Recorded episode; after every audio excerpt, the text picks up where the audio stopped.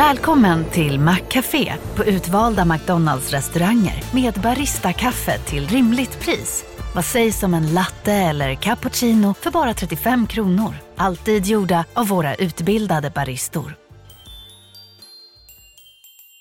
Hej, Susanne Axel här. När du gör som jag och listar dig på en av Krys vårdcentraler får du en fast läkarkontakt som kan din sjukdomshistoria. Du får träffa erfarna specialister, tillgång till lättakuten och så kan du chatta med vårdpersonalen. Så gör ditt viktigaste val idag, lista dig hos Kry.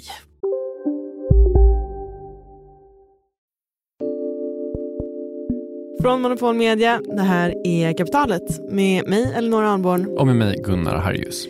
Gunnar, kommer du ihåg när Clubhouse kom? Jag kommer ihåg när Clubhouse kom. Det var mitt i pandemin och de hade någon slags invite-system och det fanns rum där man kunde lyssna på folk eller prata själv utan bild. Det var någon slags sociala medier-ljud. Ja. en annan som minns Clubhouse mycket väl är Evin Redar. Ja, men jag är väl en sociala medier-entusiast, höll jag på att säga. Nej, men alltså... Evin Redar jobbar som koordinator inom livemusik. Jag är också DJ sidan om. Hon har jobbat i mediebranschen i tio år eh, och så är hon alltså... Eh, kanske inte besatt av sociala medier men ändå liksom spenderar många timmar måste jag säga på sociala medier. När Clubhouse kommer så är Evin eh, såklart väldigt tidig på bollen. Jag tror inte att jag var en, eh, en eller jag var inte en av de första i världen som hade Clubhouse. Det hade ju redan spritt sig liksom i, i USA och andra ställen. Men i Sverige så tror jag ändå att jag var en av de första. När Evin börjar hålla på med Clubhouse så tycker hon det är askul. Ja, men man kunde gå in i olika rum, hänga, mingla, lära känna folk från hela världen. Man kan också starta egna rum. Som man kunde moderera själv, där man fick bestämma vilka som fick komma upp till talarstolen och tala. Eh, och rum som ja, helt enkelt var verkligen öppen för vem som helst att prata och i dem var det ju absolut kaos. Clubhouse blir snabbt eh, hur stort som helst. Jag minns att jag hade en hörlur i örat hela tiden under arbetstid. För man vill inte missa något. Och det var också en sån grej jag tänkte på. Så här, Gud, folk har inte jobb eller vad gör de? Så här, hur kan alla sitta och vara så närvarande där? Det blir liksom som att typ hela Evins sociala liv plötsligt är på Clubhouse. Jag började sända nattradio. Och då kommer jag ihåg att när jag skulle ha min första sändning så var jag så här, gud ingen av mina vänner kommer lyssna på mig för att alla, är, alla kommer vara inne på Clubhouse. Och sen, du vet ju hur det går. Ja, alltså från mitt perspektiv eh, så det var liksom ingenting som hände utan helt plötsligt så var det bara så att nu finns typ inte Clubhouse längre. Ingen pratar om det. Precis, exakt så var det från Evins perspektiv också. Skulle du säga att Clubhouse har dött nu? Absolut. Men det är ju ingen jättechock heller. Alltså, det var ju en sån övertydlig pandemifluga. Alltså en digital lösning för att hänga och mingla. Det är ju bara så gjort för lockdown-tider och inte för några andra tider. Verkligen. Men eh, alltså inte bara det. Alltså, eh, man kan säga att det finns eh, flera skäl än bara själva den här eh, rätt i tiden pandemitrendfaktorn som gör att Clubhouse kan först liksom blow up jättestort som en överfylld heliumballong och sen spricka och singla ner till marken. I dagens kapitalet, den stora enhörningsbubblan i Silicon Valley. Om Clubhouse uppgång och fall och många hypade tech-startups med dem. Tuffa tider i techsektorn. Efter det här.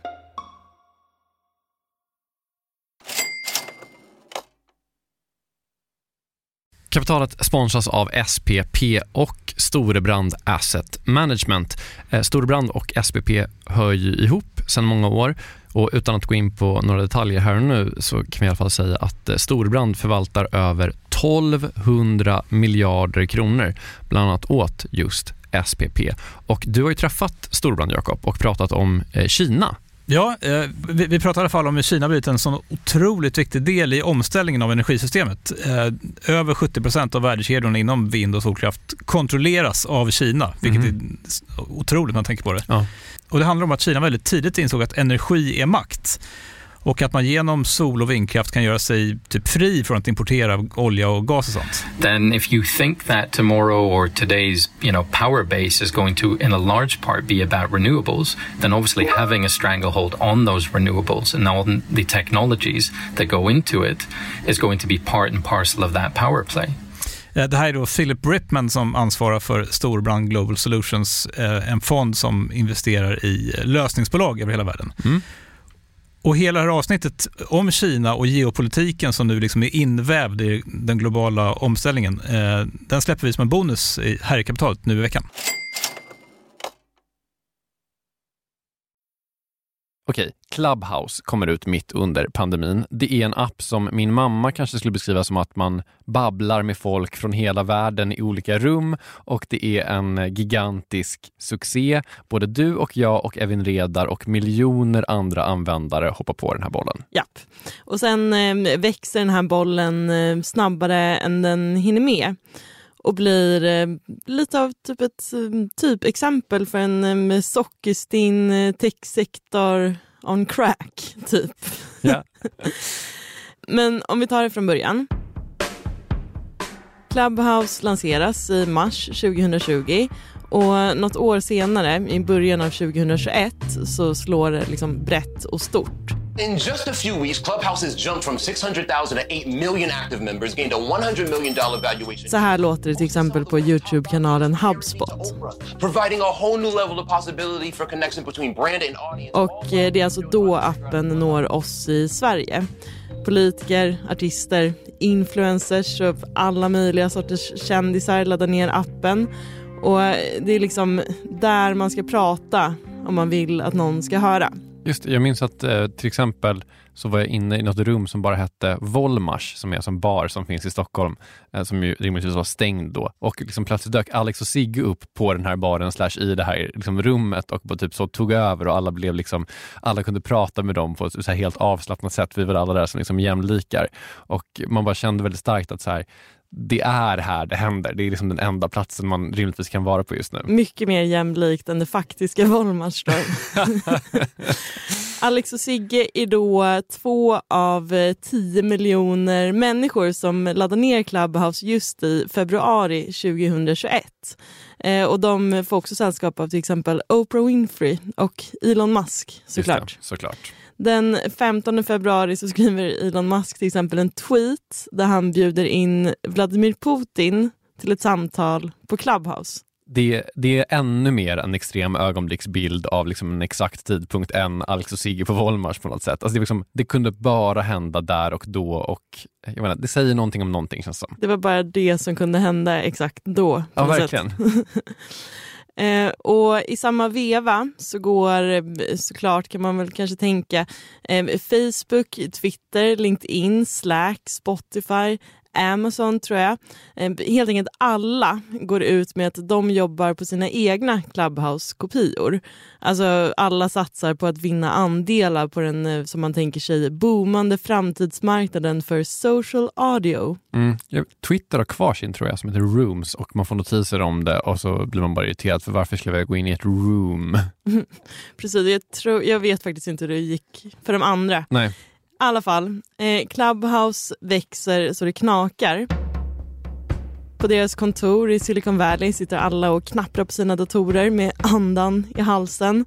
Trots att de tiodubblar sitt team av anställda i början av 2021 så har de skitsvårt att hinna utveckla plattformen så att alla nya användare får plats. Samtidigt då som alla techjättar är liksom hack i häl. Stressigt. Och eh, det är inte bara alla vi användare som älskar Clubhouse vid den här tiden. Även riskkapitalbolagen är jättestora Clubhouse-fans. Under en investeringsrunda kort innan den här jätteboomen så tar Clubhouse in 110 miljoner och värderas till en miljard dollar. Okej, ska vi bara säga snabbt hur en investeringsrunda funkar? Mm.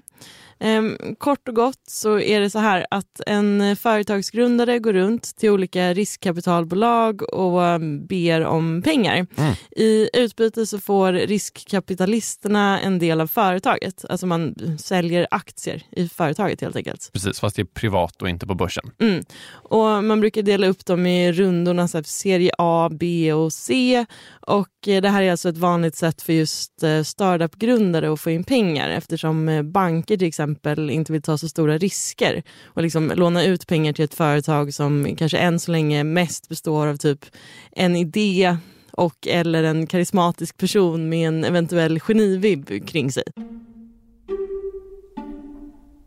It's a bet on the future. So, Det här är Jakob Steinschaden. Han är från Österrike. and I'm the founder and um, editor in chief of Trending Topics.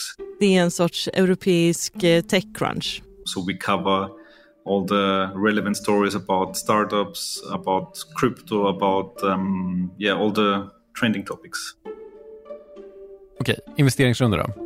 It's a bet on the future. So the investors say, okay, I think this new company it will be worth 100x in five years, and if I buy now piece of the cake, in five years this piece of a cake will be worth much more, and I will have a great return.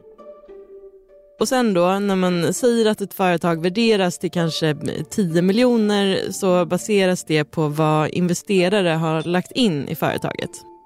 So, for example, if you get a valuation of 10 million euros or dollars, you would need like uh, one investor who buys 10% of your company for 1 million. Alltså hur en värdering görs är såklart lite mer komplicerat än så och eh, det är såklart sällan det är liksom så lätt att- att räkna ut. Usually, a bunch of investors get together. So, there's a lead investor, and then there are additional investors, and each of them would get uh, a piece of the cake. Men grejen är helt enkelt alltså att eh, bara för att man värderas till en miljard så betyder det inte att man har en miljard att spendera. Mm. Funding är liksom en annan siffra. Värdering är lite mer typ en gissning om framtiden. It's money on paper. It's yeah, you, you could call it fantasy money. You just have to prove in the future that it will be worth that much. Tillbaka till Clubhouse då. Eh, I april 2021 så gör de en ny investeringsrunda. Mm. De behöver ännu mer pengar efter all hype. Japp. Eh, riskkapitalbolaget Andreessen Horowitz tar täten. Andra slutar upp och Clubhouse värderas till 4 miljarder dollar. Alltså fyra gånger mer än vad de var värda nyss. Clubhouse blir alltså ett så kallat enhörningsföretag. Eller de har egentligen varit det alltså sen de värderades till en miljard. Det är alltså den stämpeln man brukar sätta på unga startups som värderas till över en miljard. I think that people want to express that a unicorn company, that a company with a valuation of one billion dollars is something very magical, something very rare. Något väldigt magiskt och ovanligt. Men eh, det är nästan missvisande för att grejen är att precis vid den här tiden så är enhörningar typ jättevanliga. Det är nästan vanliga hästar. Om vi, om vi backar bandet lite. Den som kommer på termen enhörning är en riskkapitalist som heter Eileen Lee. Hon skriver om det i en text 2013. Och ehm, det är kanske inte en slump att hon skriver den texten just då. Nej, det är väl då de här liksom jätte, jättestora bolagen, alltså Facebook slash Meta börjar dyka upp och bli en sån jättehit. Och alltså det känns som att det är typ där som den här tropen, så här, från ett garage till ett, ja, du vet, hela den grejen. Att det är liksom då liksom riskkapitalister går in och blir rika som troll. Exakt. Eh, och sen så är det ju också goda år för hela ekonomin som liksom fortsätter 10-talet ut. Alltså låga räntor, låg inflation. Högkonjunkturfest. Mm. It's really a easy money era. Och det gör också att det inte är så svårt att få så höga värderingar på helt nya företag. Och om man kollar i till exempel databasen Crunchbase som har gjort diagram över hur mycket som investeras i enhörningsföretag totalt så är det liksom en stadig och ganska brant uppåtkurva under hela 10-talet som sen går through the roof 2021. Yeah, 2021 it was really like the golden era for founders and unicorns. I reda siffror så investeras det 2,8 miljarder 2013, alltså i enhörningsföretag. 11,4 miljarder 2014, 21,4 miljarder 2015 och sen tickar det liksom på så upp till 98,8 miljarder 2020. Så från 3 till 100 miljarder typ. Och året efter det så nästan tripplas den siffran. 2021 investeras 278 miljarder dollar i olika enhörningsföretag. Så det har hundradubblats på åtta år. Det är sjukt. We saw like a, a huge rise in the number of new unicorns. I think like all across Europe um, there were I think more than 100 new companies that reached that valuation, which is much more than in the years before. Under perioden fram till 2021 så föds i snitt eh, 150 enhörningar per år och under 2021 föds det fler än det varje kvartal. My LinkedIn was full of like, yeah, we have another 20 million, another 100 million. It was a, a real celebration out there. Och om man kollar totalt, alltså inte bara på enhörningsföretagen, så investerade riskkapitalbolag 620 miljarder dollar 2021. Och det är mer än dubbelt så många dollar som 2020. Och ungefär sex svenska statsbudgetar. You know, when people in the ecosystem, when they raise a lot of money, then others think, ah, I can do that too. And um, on the other hand, you had all these VCs that uh, had very deep pockets and they, they, they needed to spend that money.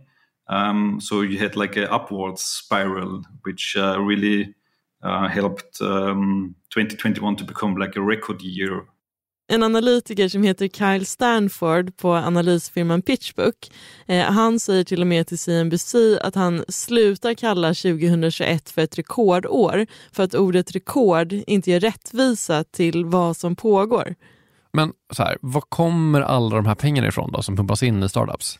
De kommer från eh, pandemin kan man väl säga. What happened uh, was that um, state banks started to print money like in the United States and in the European Union, and I guess also in Sweden, the money that was available to invest uh, just increased. Just det, alltså de här ekonomiska räddningspaketen eh, under pandemin då. Precis, de har varit lite omtvistade kan man säga, men enligt Jakob Steinschadden i alla fall så hamnade de liksom i näringslivet. So like after 2020, a lot of people saw the economy like freeing itself after all these lockdowns and then you had a lot of money that was pumped into the market to help uh, companies. So um, we saw a lot of venture capitalists that raised uh, billion dollar funds and they had to invest this money to make bigger returns.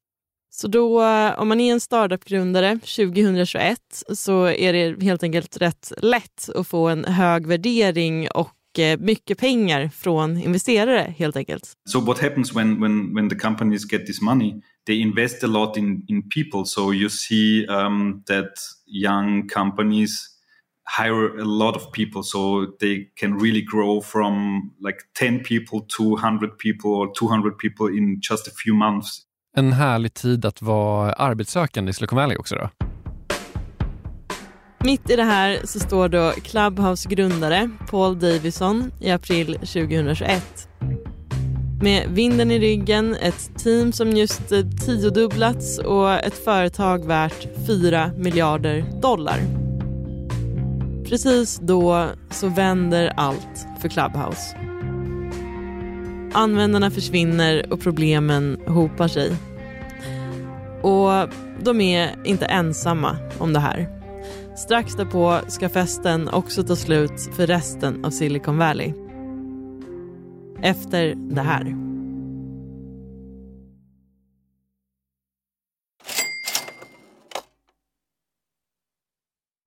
Vi sponsras ju av SPP och vi var ju med dem eh, på Tech Arena förra veckan. Och jag tänkte berätta om en bolagspitch som jag såg. Ja.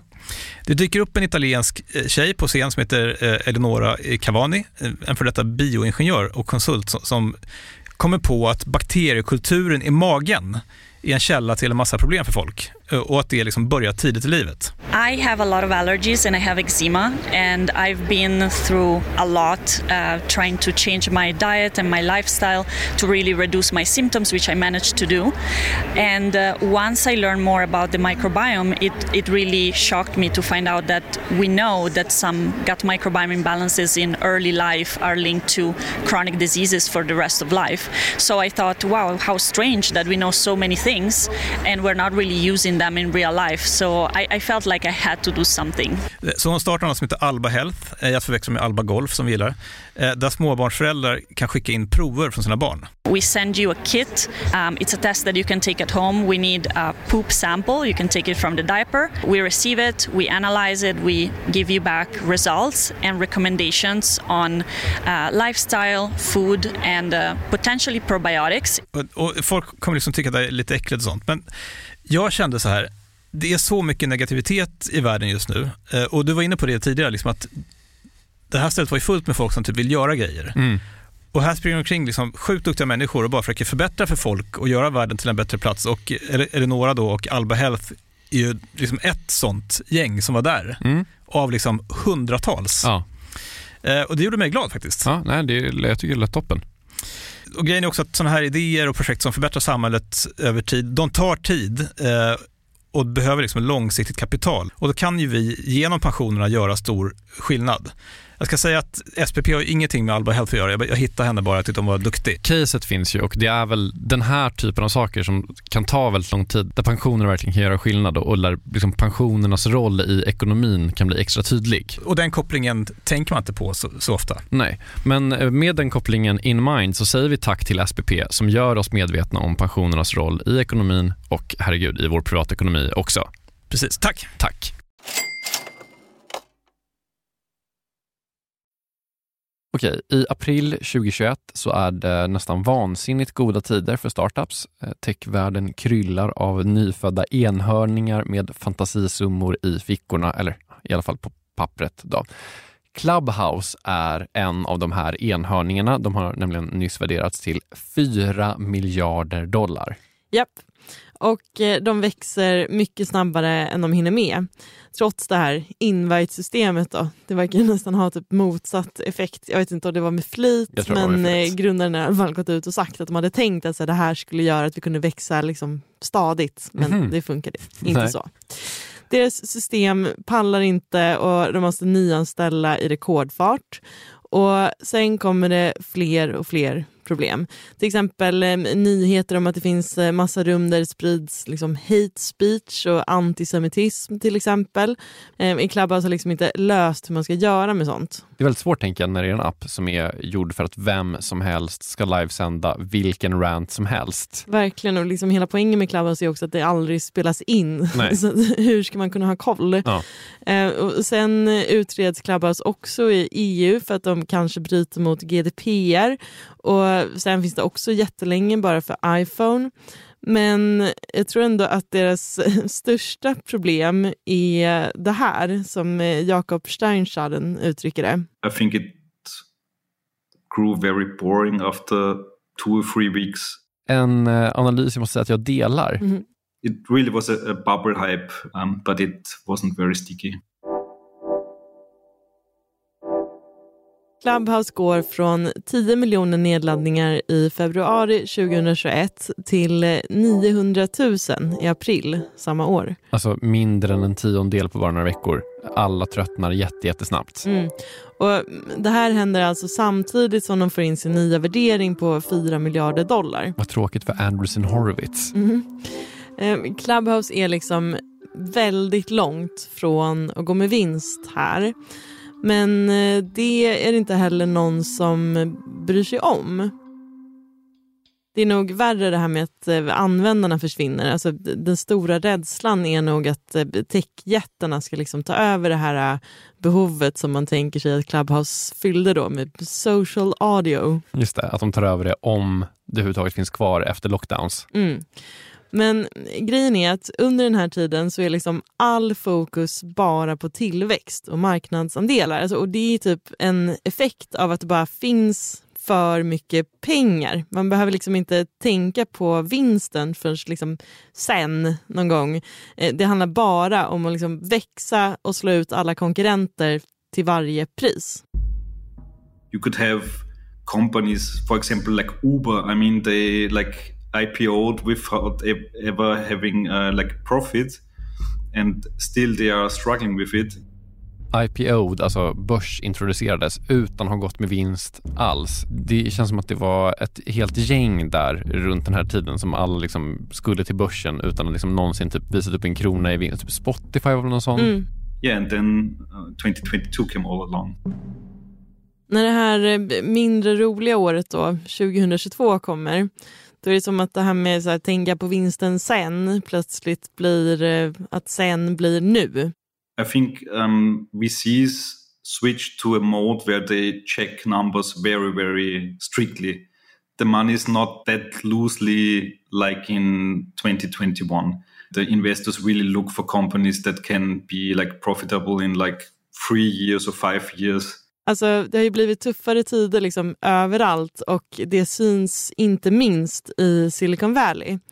Ehm, du minns den här siffran, alltså hur mycket riskkapitalbolag pumpade in i enhörningsföretag förra året? 278 miljarder dollar. Jag minns siffran. I år är den siffran 70 miljarder dollar.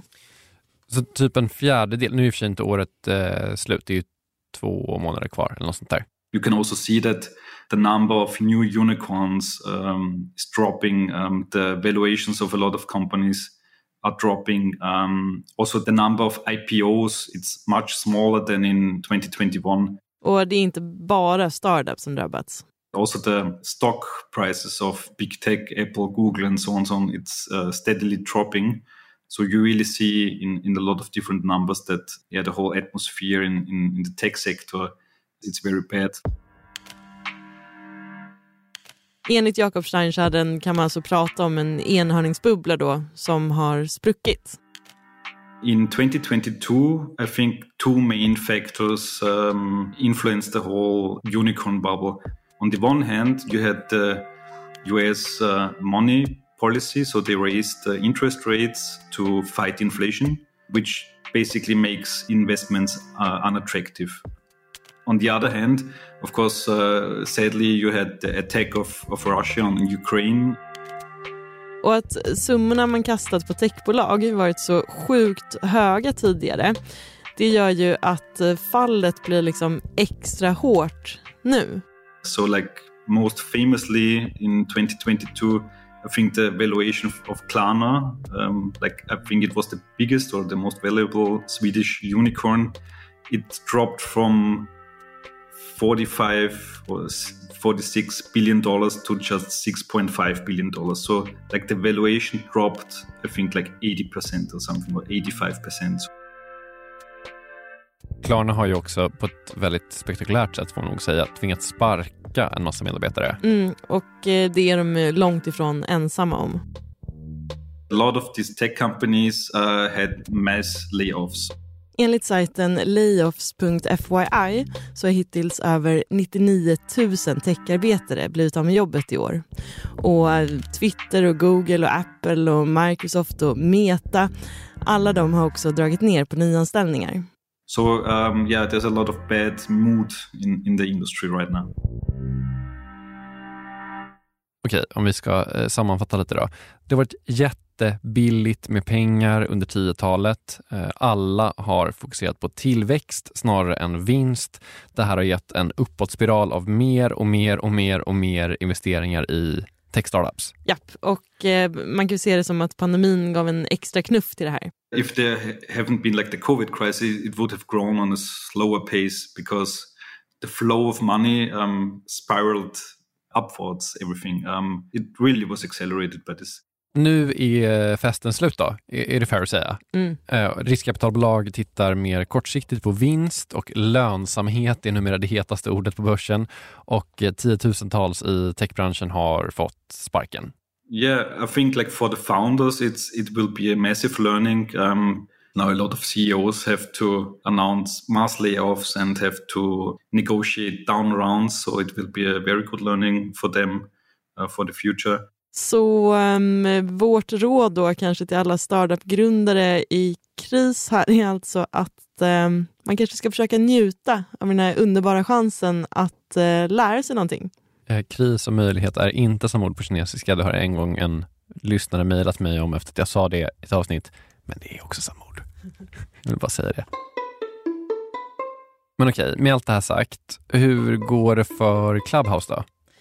Ja, alltså de finns ju absolut kvar, men eh, de har inte delat några liksom, använda siffror på länge. Nähä. Men eh, officiellt så säger de eh, såklart kanske att de är en given del av framtiden, att de har en massa nya coola funktioner på gång och att de eh, ja, gör världen till en bättre plats. Mm, mm. Mm, men i juni, alltså i somras, så kom nyheter också om att eh, de sparkade en hel del folk, eh, många i ledningen. Och eh, om man frågar Evin Redar hur det går för Clubhouse så är ju svaret eh, inte så bra. Det var något tillfälle för inte så jättelänge sedan ändå där några försökte typ kuppa tillbaka det. Men det var typ så här, alla laddar ner så går vi in i det här samtalet. Och så varade det i fem minuter. Har du kvar appen nu? Nej. Eller? Vänta. Nej. Nej, den är raderad. Gone. Rest in peace. Den hade sin tid. Kapitalet är slut för idag. Vi som gjort det här avsnittet heter Elinor Alborn och Gunnar Harrius. Agnes Wentzell Blank och Marcus Marie Haldin jobbar också här. Avsnittet är mixat av Kristoffer Krook och vår ansvariga utgivare heter Jakob Bursell. Vi är tillbaka nästa vecka. Hej då! Hej då!